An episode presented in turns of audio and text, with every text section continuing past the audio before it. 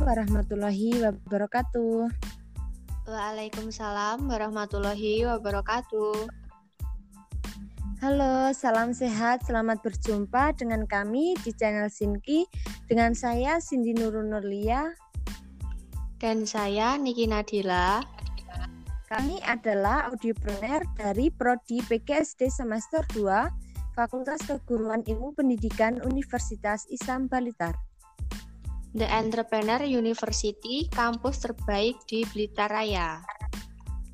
Teman-teman, kali ini kami akan mengajak teman-teman untuk memahami bagaimana perkembangan kognitif dan proses pembelajaran.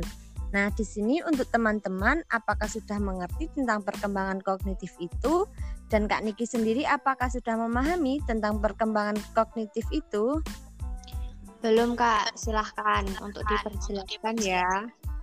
Ya, di sini saya akan memperjelaskan kepada teman-teman dan juga kepada Kak Niki apa sih perkembangan kognitif dan proses pembelajaran itu. Nah, perkembangan kognitif manusia yaitu Proses psikologis di dalamnya melibatkan proses-proses memperoleh, menyusun, dan menggunakan pengetahuan serta kegiatan-kegiatan mental seperti mengingat, berpikir, menimbang, mengamati, menganalisis, mensintesis, mengevaluasi, dan memecahkan persoalan yang berlangsung melalui interaksi dengan lingkungan. Iya, Kak.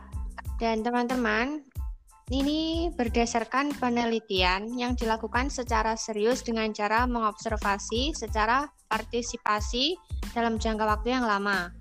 Dan Jane Piaget sendiri mendapati bahwa anak pada umur tertentu mengalami kesulitan untuk memahami hal-hal yang sebenarnya sederhana, Kak.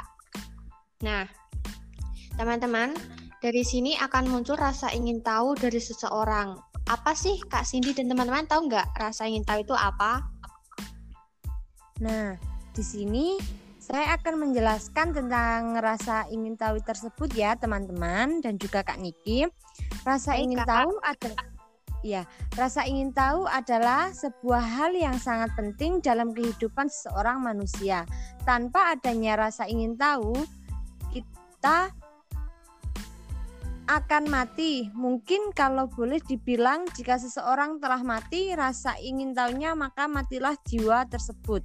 Karena tanpa rasa ingin tahu, kita akan berhenti belajar Seringkali tulisan yang kita buat terinspirasi dari tulisan orang lain. Nah, Kak Cindy dan juga teman-teman, rasa ingin tahu yang dimiliki oleh manusia merupakan tanda utama dan adanya masalah permasalahan yang muncul dari rasa ingin tahu. Manusia memerlukan dari jawaban rasa ingin tahunya itu sendiri, Kak. Nah, Rasa ingin tahu mengawali terisinya berbagai pengetahuan dalam otak manusia. Hal ini menyeratkan aspek kognitif yang kuat dari rasa keingintahuan yang dimiliki manusia. Begitu ya teman-teman dan Kak Cindy. Iya Kak Niki. Dan di sini uh, rasa ingin tahu itu memiliki manfaat loh. Teman-teman apakah sudah mengerti manfaat tersebut? Kak Niki juga apakah sudah mengerti tentang manfaat dari rasa ingin tahu tersebut? Apa saja Kak kira-kira manfaatnya? Bisa dijelaskan? Nah, ya, baik bagi anak-anak maupun orang dewasa, keingintahuan juga memiliki manfaat terkait psikologis, emosi, sosial, bahkan kesehatan. Nah, di sini manfaatnya yang pertama yaitu membantu untuk bertahan.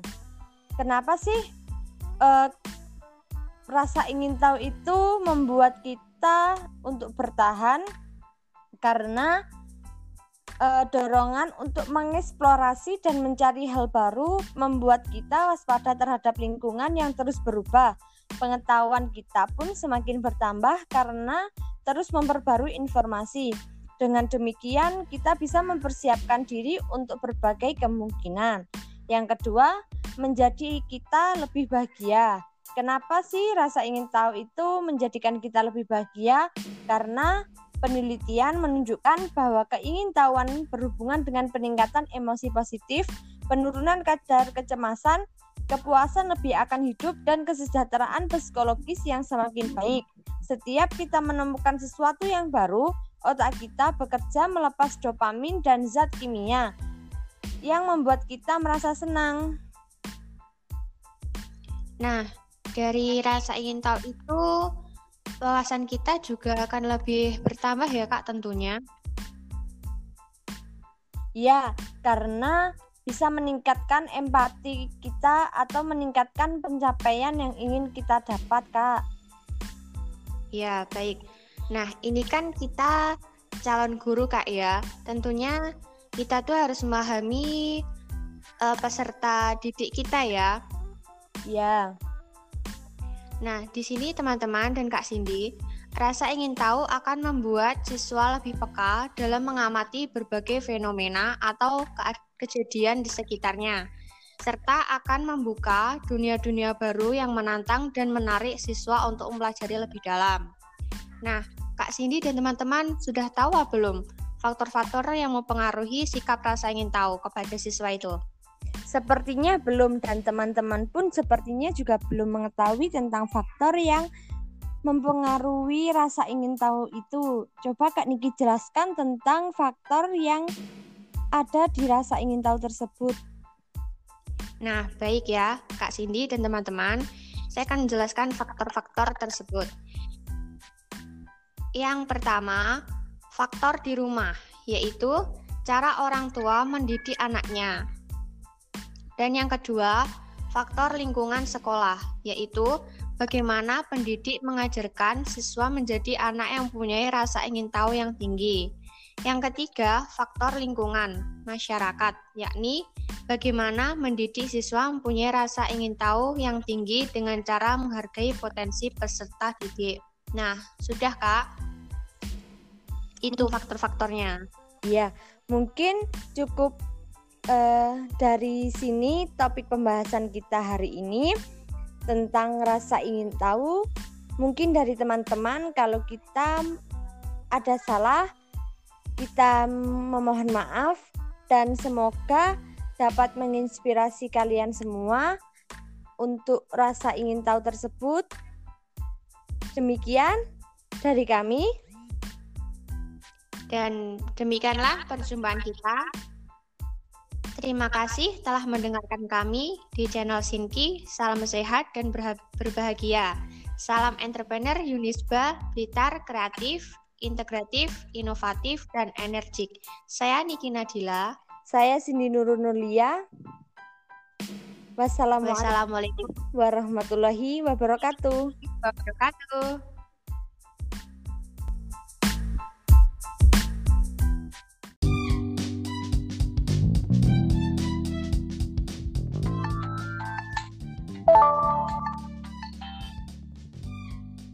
Halo, Assalamualaikum warahmatullahi wabarakatuh.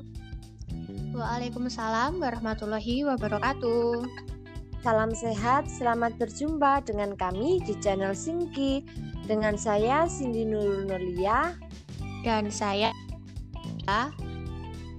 kami adalah audioprener dari Prodi PGSD semester 2 Fakultas Keguruan Ilmu Pendidikan Universitas Islam Balitar. The Entrepreneur University, kampus terbaik di Blitar Raya. Teman-teman, kali ini kami mengajak kalian memahami tentang teori Vygotsky.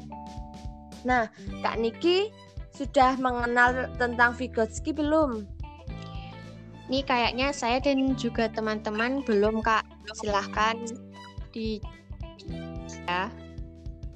Ya, saya akan menjelaskan ya Kak Niki tentang teori Vygotsky itu. Baik, Kak. Yang pertama yaitu pengenalan tentang Vygotsky. Vygotsky nama lengkapnya adalah Lev Semon Semenovich Vygotsky. Dia adalah seorang psikolog yang berkebangsaan Rusia. Ia lahir di Rusia pada tanggal 5 November 1896. Pada tanggal 11 Juni 1934, ia telah menjadi ahli psikologi perkembangan di Soviet dan dia mendasarkan pada psikologi kultural historis, kemudian lulus dari Universitas di Moskow pada tahun 1917. Vygotsky sangat giat pada pemikiran atau ide tentang perkembangan kognitif, terutama hubungan antara bahasa dan pikiran, budaya, dan faktor sosial. Maka Vygotsky merupakan teori utama yang sangat menghargai daya-daya developmentalis dan environmentalis di wilayah teori perkembangan kognitif. Begitu Kak Niki? Baik Kak. Nah, Kak Cindy dan juga teman-teman, mari kita bahas mengenai teori Vygotsky. Teori belajar Vygotsky menekankan bahwa perkembangan manusia adalah sesuatu yang tidak bisa terlepas oleh berbagai jenis kegiatan sosial dan budaya, seperti perkembangan mental, kognitif, afektif, dan psikomotorik seorang anak yang dipengaruhi oleh sosial budaya di masyarakat. Meskipun kecerdasan emosional dalam psikologi setiap anak berbeda-beda, namun pengalaman pembelajaran yang dilakukan bersama orang lain dapat menambah wawasan bagi dunia anak. Nah, silahkan dilanjut, Kak. Iya, untuk Kak Niki dan teman-teman, di sini saya akan membahas beberapa hal yang mendukung tentang teori konstruktivisme. Yang pertama, hukum genetik tentang perkembangan. Apa sih hukum genetik tentang perkembangan? E, yaitu setiap kemampuan seseorang akan tumbuh dan berkembang melewati dua aturan, yaitu tataran sosial lingkungannya dan tataran psikologis yang ada pada dirinya. Yang kedua, zona perkembangan proksimal. Apa sih yang apa sih yang dimaksud zona perkembangan proksimal? Yaitu perkembangan kemampuan seseorang dapat dibedakan dalam dua tingkat.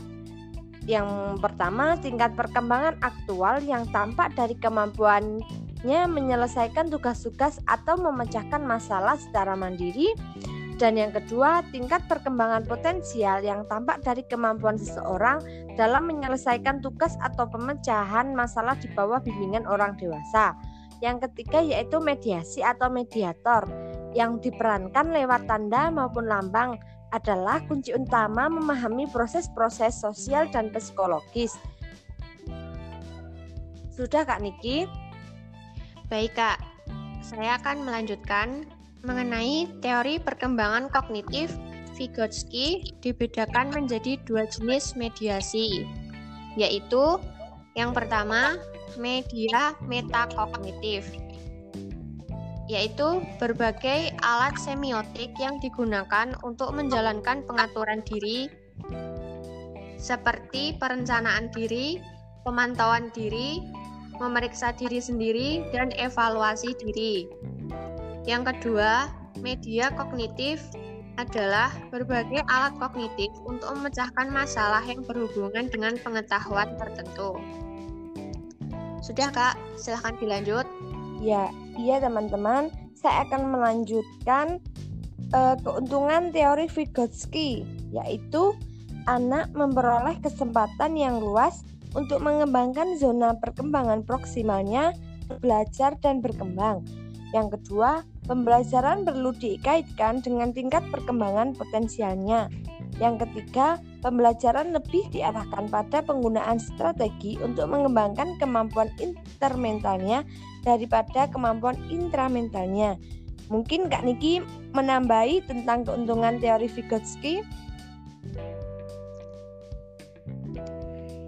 Nah, Kak, di sini saya akan menambahi mengenai teori-teori Vygotsky didasarkan pada tiga ide utama. Kak, Cindy dan teman-teman sudah tahu apa belum? Belum Kak, coba jelaskan kepada kami. Ya, yang pertama, intelektual akan berkembang pada saat anak menghadapi ide-ide baru dan mengaitkan dengan apa yang telah mereka ketahui. Yang kedua, melakukan interaksi dengan orang lain sehingga memperoleh informasi baru yang menambah wawasan anak.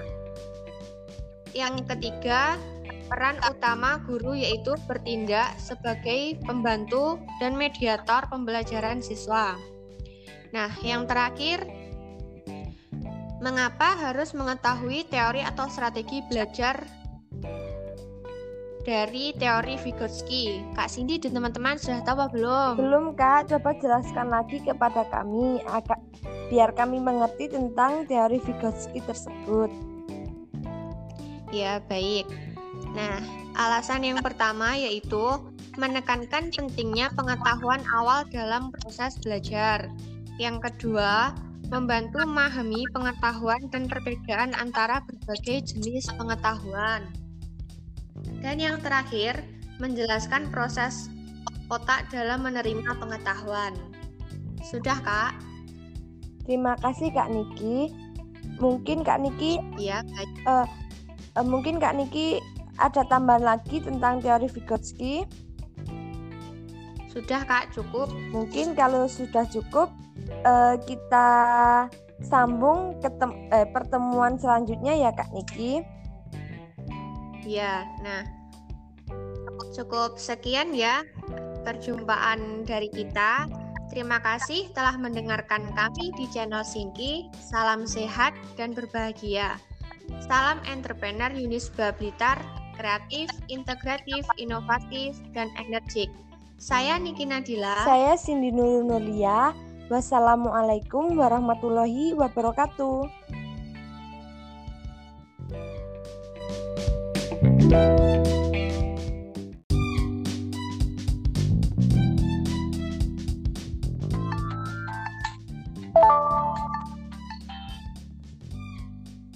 Halo, Assalamualaikum warahmatullahi wabarakatuh. Waalaikumsalam warahmatullahi wabarakatuh. Salam sehat, selamat berjumpa dengan kami di channel Singki dengan saya Cindy Nur Nurlia dan saya kami adalah audioprener dari Prodi PGSD semester 2 Fakultas Keguruan Ilmu Pendidikan Universitas Islam Balitar. The Entrepreneur University, kampus terbaik di Blitar Raya. Teman-teman, kali ini kami mengajak kalian memahami tentang teori Vygotsky. Nah, Kak Niki sudah mengenal tentang Vygotsky belum? Ini kayaknya saya dan juga teman-teman belum, Kak. Silahkan di ya. Ya, saya akan menjelaskan ya Kak Niki tentang teori Vygotsky itu. Baik Kak. Yang pertama yaitu pengenalan tentang Vygotsky. Vygotsky nama lengkapnya adalah Lev Semon Semenovich Vygotsky. Dia adalah seorang psikolog yang berkebangsaan Rusia. Ia lahir di Rusia pada tanggal 5 November 1896. Pada tanggal 11 Juni 1934, ia telah menjadi ahli psikologi perkembangan di Soviet dan dia mendasarkan pada psikologi kultural historis Kemudian lulus dari Universitas di Moskow pada tahun 1917. Vygotsky sangat giat pada pemikiran atau ide tentang perkembangan kognitif, terutama hubungan antara bahasa dan pikiran, budaya, dan faktor sosial. Maka Vygotsky merupakan teori utama yang sangat menghargai daya-daya developmentalis dan environmentalis di wilayah teori perkembangan kognitif. Begitu Kak Niki? Baik Kak. Nah, Kak Cindy dan juga teman-teman, mari kita bahas mengenai teori Vygotsky. Teori belajar Vygotsky menekankan bahwa perkembangan manusia adalah sesuatu yang tidak bisa terlepas oleh berbagai jenis kegiatan sosial dan budaya, seperti perkembangan mental, kognitif, afektif, dan psikomotorik seorang anak yang dipengaruhi oleh sosial budaya di masyarakat. Meskipun kecerdasan emosional dalam psikologi setiap anak berbeda-beda, namun pengalaman pembelajaran yang dilakukan bersama orang lain dapat menambah wawasan bagi dunia anak. Nah, silahkan dilanjut, Kak. Iya, untuk Kak Niki dan teman-teman, di sini saya akan membahas beberapa hal yang mendukung tentang teori konstruktivisme. Yang pertama, hukum genetik tentang perkembangan. Apa sih hukum genetik tentang perkembangan? uh, yaitu setiap kemampuan seseorang akan tumbuh dan berkembang melewati dua aturan, yaitu tataran sosial lingkungannya dan tataran psikologis yang ada pada dirinya. Yang kedua, zona perkembangan proksimal. Apa sih yang apa sih yang dimaksud zona perkembangan proksimal? Yaitu perkembangan kemampuan seseorang dapat dibedakan dalam dua tingkat. Yang pertama, tingkat perkembangan aktual yang tampak dari kemampuannya menyelesaikan tugas-tugas atau memecahkan masalah secara mandiri dan yang kedua, tingkat perkembangan potensial yang tampak dari kemampuan seseorang dalam menyelesaikan tugas atau pemecahan masalah di bawah bimbingan orang dewasa. Yang ketiga yaitu mediasi atau mediator yang diperankan lewat tanda maupun lambang adalah kunci utama memahami proses-proses sosial dan psikologis. Sudah Kak Niki? Baik Kak, saya akan melanjutkan mengenai teori perkembangan kognitif Vygotsky dibedakan menjadi dua jenis mediasi, yaitu yang pertama media metakognitif, yaitu berbagai alat semiotik yang digunakan untuk menjalankan pengaturan diri seperti perencanaan diri, pemantauan diri, memeriksa diri sendiri, dan evaluasi diri. Yang kedua, media kognitif adalah berbagai alat kognitif untuk memecahkan masalah yang berhubungan dengan pengetahuan tertentu. Sudah Kak, silahkan dilanjut. Ya, iya teman-teman, saya akan melanjutkan uh, keuntungan teori Vygotsky, yaitu anak memperoleh kesempatan yang luas untuk mengembangkan zona perkembangan proksimalnya, belajar dan berkembang. Yang kedua, pembelajaran perlu dikaitkan dengan tingkat perkembangan potensialnya. Yang ketiga, pembelajaran lebih diarahkan pada penggunaan strategi untuk mengembangkan kemampuan intermentalnya daripada kemampuan intramentalnya. Mungkin Kak Niki menambahi tentang keuntungan teori Vygotsky?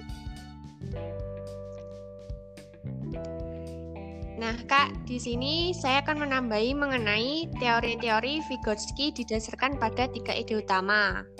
Kak, Cindy dan teman-teman sudah tahu apa belum? Belum, Kak. Coba jelaskan kepada kami. Ya, yang pertama, intelektual akan berkembang pada saat anak menghadapi ide-ide baru dan mengaitkan dengan apa yang telah mereka ketahui. Yang kedua, melakukan interaksi dengan orang lain sehingga memperoleh informasi baru yang menambah wawasan anak. Yang ketiga, peran utama guru yaitu bertindak sebagai pembantu dan mediator pembelajaran siswa.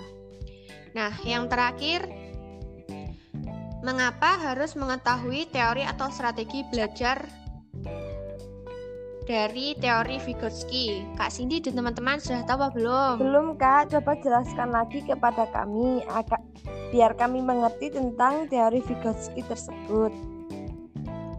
Ya, baik. Nah, alasan yang pertama yaitu menekankan pentingnya pengetahuan awal dalam proses belajar.